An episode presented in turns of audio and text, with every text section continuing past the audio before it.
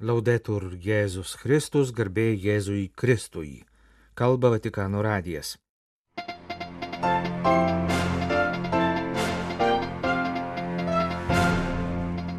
Lisabonoje prasidėjo pasaulio jaunimo dienos. Nuo trečiadienio iki sekmadienio popiežiaus vizitas Portugalijos sostinėje. Ukrainos graikų apieigų katalikų vadovas prašo per pasaulio jaunimo dienas išgirsti kenčiančios Ukrainos jaunimo balsą. Popiežius paskyrė naują Laterano universiteto rektorių. Porcionkulės atlaidai Asyžiuje ir visoje bažnyčioje. Olandijos katalikų ganytojo kardinolo Vilemo Eiko pasakojimas apie pašaukimą.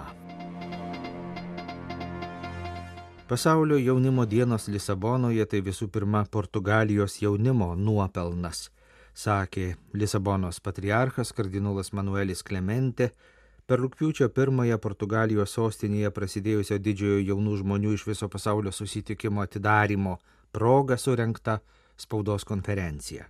Kardinolas sakė esas įsitikinęs, kad ši daugybės tūkstančių jaunų žmonių ryšto, pasiaukojimo ir pasiryžimo tarnauti kitiems patirtis nepraeis veltui, bet paliks gilius pėtsakus Portugalijos bažnyčios ir visuomenės gyvenime. Šie žmonės ateityje bus atsimenami kaip 2023 m. pasaulio jaunimo dienų karta. Per spaudos konferenciją kardinolas Klemente priminė pasaulio jaunimo dienų Lisabonoje rengimo istoriją. Dešimtys tūkstančių žmonių, visų pirma jaunų žmonių, nepaprastai daug prisidėjo, kad Lisabonoje įvyktų didysis pasaulio jaunimo dienų susitikimas. Pati pradžia siekia 2017 metus, kai kardinolas Lisabonos patriarchas parašė laišką popiežiui Pranciškui su pasiūlymu surenkti pasaulio jaunimo dienas Lisabonoje. Šiame kontekste lemiamą reikšmę turėjo įvairių Portugalijos jaunimo organizacijų susijusių su universitetais, vyskupijomis, parapijomis iniciatyvos. Taip pat reikėjo, kad Portugalijos valstybė ir sostinės merija pripažintų, jog surenkti pasaulio jaunimo dienas Lisabonoje tai viešasis nacionalinis interesas, reklama ir garbė Portugalijai ir jos sostiniai. Visi šiam sumanimui labai pritarė ir entuziastingai dalyvavo pasirengimuose. Lisabonoje surinktoje spaudos konferencijoje buvo kalbama ir apie prieš pasaulio jaunimo dienų atidarimą visą savaitę vykusius susitikimus Portugalijos vyskupijose. Jau tradicija, kad prieš oficialų atidarimą vyksta jaunimo dienos vyskupijose. Per pastarąją savaitę 17 Portugalijos vyskupijų vykusiuose susitikimuose dalyvavo 67 tūkstančiai piligrimų iš įvairių šalių. Lisabonoje prasidėjęs jaunimo iš viso pasaulio susitikimas yra jau penkioliktasis nuo šios tradicijos įvedimo. Prieš tai didėjai pasaulio jaunimo dienų susitikimai vyko Buenos Airėse, Santiago de Composteloje, Čenstakavoje, Denveryje, Maniloje, Paryžiuje, Romoje, Toronte, Kelne, Sidnėjuje, Madride, Rio de Žaneire, Krokuvoje ir Panamoje. Kaip pastebėjo kardinolas Klemente per Lisabonoje vykusią spaudos konferenciją, pasaulio jaunimo dienos jau buvo surinktos po vieną arba daugiau kartų Europoje, Šiaurės ir Pietų Amerikoje, Azijoje ir Okeanijoje, tačiau dar ne vieno karto jos nebuvo surinktos Afrikoje. Pasaulio jaunimo dienos yra labai svarbi proga dalytis tikėjimo patirtimi, taip pat pasidalyti skausmu ir vieni kitiems padėti gydyti žaizdas, kurias mūsų merginos ir vaikinai nešiojasi savo širdyse ir sielose. Taip apie pasaulio jaunimo dienas iškenčiančios Ukrainos perspektyvos kalbėjo graikų apieigų katalikų didysis arkivyskupas Svetoslavas Ševčiukas antradienį rūpiučio pirmąją paskelbtoje savo kas savaitinėje video žinioje. Jaunieji ukrainiečiai, dalyvaujantys šiuose pasaulio jaunimo dienose, išgyvens tikrai nepaprastą patirtį, įsitikinęs arkivyskupas Ševčiukas. Vyskupai, kunigai ir visa bažnyčia nuoširdžiai trokšta įsiklausyti į tai, ką jaunimas nori pasakyti. Ukrainiečių jaunimas turi ką pasakyti. Jaunieji ukrainiečiai nori būti išgirsti. Jie nori kalbėti apie skausmą ir netektis, kurias šiandien patiria Ukrainos žmonės. Jaunieji ukrainiečiai šiandien nori pranešti visai bažnyčiai, ką reiškia būti krikščionimis, karo sąlygomis. Kreipiuosi į pasaulio viešąją nuomonę ir visuotinę bažnyčią. Atidžiai įsiklausykite į jaunų ukrainiečių balsą ir apkabinkite mūsų jaunuolius, kurie savo širdyse ir kūnuose nešiojasi karo žaizdas, prašo arkivyskupas. Tegul pasaulio jaunimo dienos tampa proga garsiai tarti ne Rusijos agresijai ir griežtai pasmerkti nekaltų civilių žudimą. Tegul šis renginys būna maldos už pagrobtus vaikus metas, taip pat proga kartu prašyti Dievą teisingos taikos Ukrainai ir visam pasauliui. Arkivyskupas Ševčiukas prašo popiežių pranciškų palaiminti jaunus ukrainiečius, kurie nori su juo susitikti Lisabonoje. Ir savo žinę baigia malda. Dieve, laimink Ukrainą, palaimink mūsų daug kentėjusią Ukrainos žemę, savo teisingą dangišką taiką. Lankydamasis Portugalijoje šeštadienį rūpiučio penktą dieną, popiežius Pranciškus nuvyks į Fatimos šventovę ir ten kartu su į pasaulio jaunimo dienas atvykusiais jaunuoliais kalbės rožinį. Labai gražu, kad popiežius iškelia šią maldą, kad skatina jaunimą kalbėti rožinį. Italų katalikų televizijos kanalui kalbėjo buvęs Šventojo Petro bazilikos arkikunigas kardinolas Andželio Komastri. Rožinis tai nuostabi malda, tai tarsi piligriminė kelionė su Marija per Jėzaus gyvenimą. Kardinolas pasidalijo atminimais, kaip jis 2000 m. gegužės 13 d. kartu su popiežiumi Jonu Pauliumi II lankėsi Fatimos šventovėje. Ta kartą buvo paviešinta vadinamoji trečioji Fatimos paslaptis. Tai žinia apie nekalčiausiosios Marijos širdies triumfą mergelė Marija prašė visų prisidėti prie jos širdies pergalės žmonių širdyse. Kalbėdamas apie pasaulio jaunimo dienas Lisabonoje ir piligrimystę į Fatimą, kardinolas Komastri pabrėžė, kad neužtenka susirinkti ar nukeliauti į Marijos šventovę. Būtina klausytis, susikaupti ir apmastyti Fatimos Dievo motinos žinę. Iš esmės tai reiškia apmastyti šventai raštą ir suprasti, kad laisvė nereiškia daryti tai, ką nori, kad tikroji laisvė tai tarti taip, kaip tai padarė Marija. Visi turime Dievo mums duotą pašaukimą gyvenime, turime jį atrasti ir palikti po savęs gėrio pėdsaką, sakė kardinolas. Jis linkėjo, kad pasibaigus pasaulio jaunimo dienoms, jauni žmonės grįžę į namus galėtų savo tarti. Dabar noriu pradėti nuoseklesnį krikščioniškesnį gyvenimą. Popiežius Pranciškus paskyrė popiežiškojo Laterano universiteto rektoriumi kuniga Alfonso Amarante, popiežiškojo moralinės teologijos instituto dekaną, kartu jį paskirdamas arkivyskupu. Alfonso Amarante gimė 1970 metais. Įstojęs į redemptoristų kongregacijos studentatą Neapolyje, 1993-aisiais jis davė pirmuosius vienuolio įžadus, 96-aisiais amžinuosius įžadus, o 97-aisiais buvo išventintas kunigu. 2002 metais popiežiškajame Grigaliaus universitete jis apsigynė moralinės teologijos daktaratą ir buvo paskirtas popiežiškojo moralinės teologijos instituto dėstytoju, o vėliau dekanu.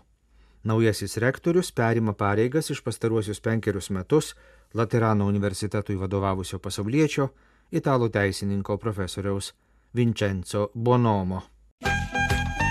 Jūs klausotės Vatikano radio tęsinę programą. Porciunkulėje netoli Asyžiaus trečiadienį rūpjūčio antrą dieną pagal aštuonių šimtmečių tradiciją švenčiami garsieji Šventojo Pranciškaus atlaidai, vadinami Asyžiaus arba porciunkulės atlaidais. Atlaidų pradžios mišes rūpiučio pirmą dieną aukojo tėvas Massimo Fuzarelli, pranciškonų mažesniųjų brolių vyresnysis, o trečiadienį pagrindinėms atlaidų šventosioms mišioms vadovaus nominuotasis kardinolas pranciškonas arkivyskupas Pier Batista Pizza Balla, Jeruzalės lotynų patriarchas. Porciunkulis atlaidus 1216 metais formaliai suteikė popiežius Honorijus III pagal Šventojo Pranciškaus Asižiečio prašymą, kuris kiek vėliau popiežiškąją bulę pripažino ir Pranciškaus mažesniųjų brolių ordiną. Pagal Pranciškaus Asižiečio mintį atlaidai skirti visiems, jų proga rūpiučio antrą dieną apsilankantiems Porciunkulės koplyčioje esančioje prie pat Asydžiaus. Į popiežiaus honorijaus klausimą, kam to reikia, šventasis Pranciškus atsakęs, noriu visus pasiūsti į dangų. Popiežius sutiko ir atlaidus suteikė kartą per metus rūpiučio antrą dieną Porciunkulės koplyčioje apsilankantiems atgailautojams vėliau atlaidų galimybė išplėsta visose pranciškonų bažnyčiose tą pačią rūpiučio antrą dieną, o porciunkulės bažnyčioje kasdien. Dabar porciunkulės atlaidus rūpiučio antrą dieną tikintieji gali pelnyti bet kurioje pasaulio katalikų bažnyčioje įvykdžius atlaidams privalomas sąlygas - sakramentinę išpažinti, dalyvavimą Euharistijoje, komunijos prieimimą ir maldą popiežiaus intenciją.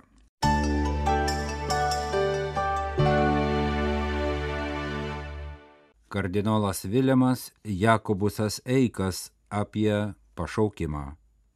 Olandijos katalikų vyskupo Utrechto ganytojo kardinolo Eiko vyskupystė tęsiasi jau 24 metus. Prieš vyskupystę ir kunigystę jis buvo gydytojas. Retrospektyviai įvertindamas nueitą gyvenimo ir pašaukimo kelią, jis sako, nie kiek nesigailys tapęs kunigu, nors pripažįsta, kad medicinos naujovės ir atradimai jį domina ir dabar. Tad kaip jis iš chirurgo tapo kunigu. Apie tai Vatikano radio pokalbis su kardinolu, kuriam Birželio 22 dieną sukako 70 metų. Šiuo metu kardinolas Vilemas Jakobusas Eikas yra Utrechto arkivyskupas metropolitas ir pagal pareigas katalikų bažnyčios Olandijoje primas. Oficialioje kardinolo biografijoje pažymima, kad Vilemas Eikas 70-asis šventojo Vilibrordo gyvenusio 7 ir 8 amžių sandūroje įpėdinis Utrechte, anksčiau buvo Groningeno vyskupas, o kunigystės šventimus gavo 1985 metais. Dirbdamas vienoje Olandijos parapijoje, jis parašė ir apsigynė bioetikos disertaciją apie eutanaziją kurį laiką Vatikane buvo tarptautinės teologijos komisijos narys ir be kitų darbų Maastrichte su kitais įsteigė katalikišką medicinos etikos fondą, šiuo metu yra fondo patarėjas.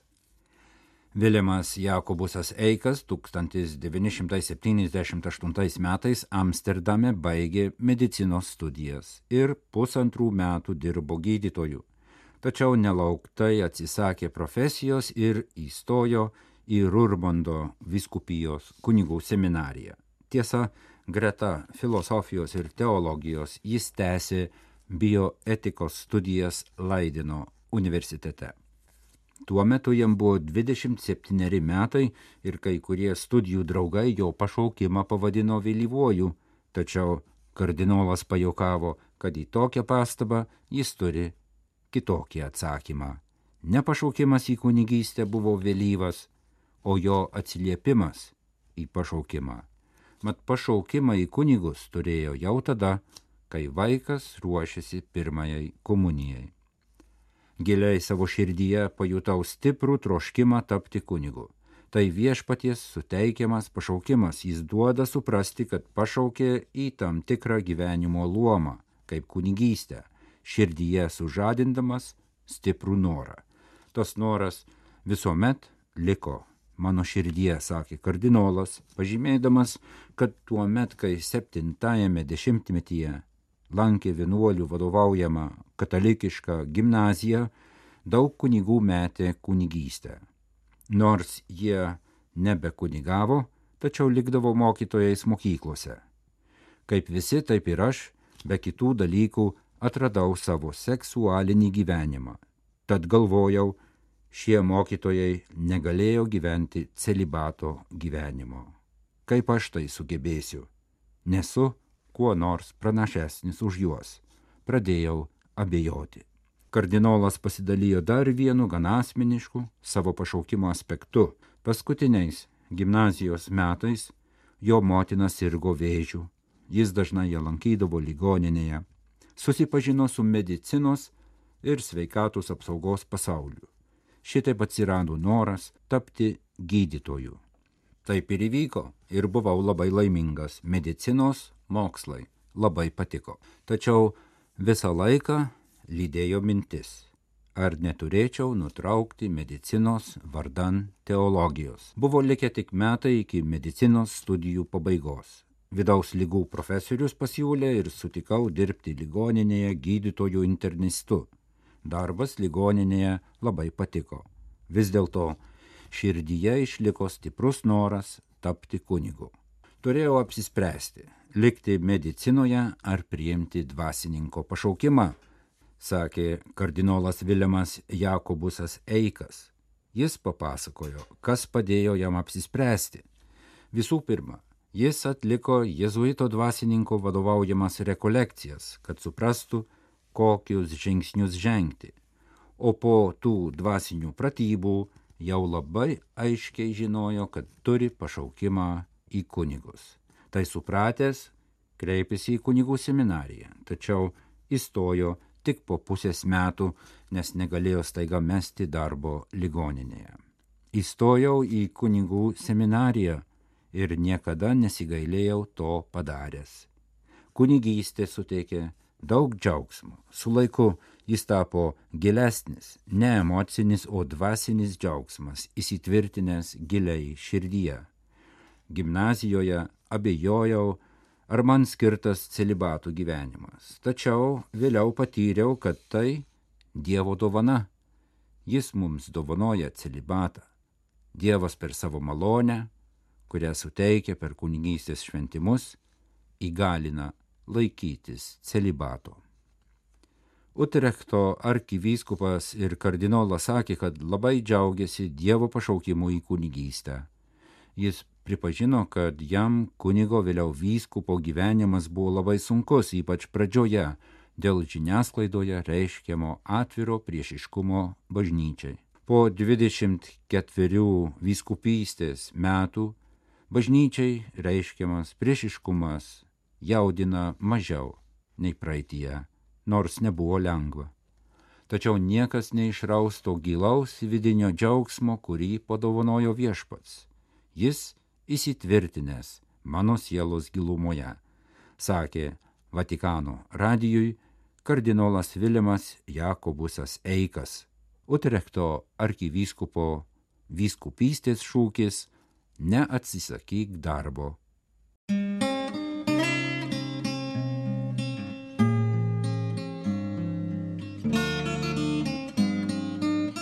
Kalba Vatikano radijas. Laidą lietuvių kalba baigėme. Garbėjai Jėzui Kristui, laudetur Jėzus Kristus.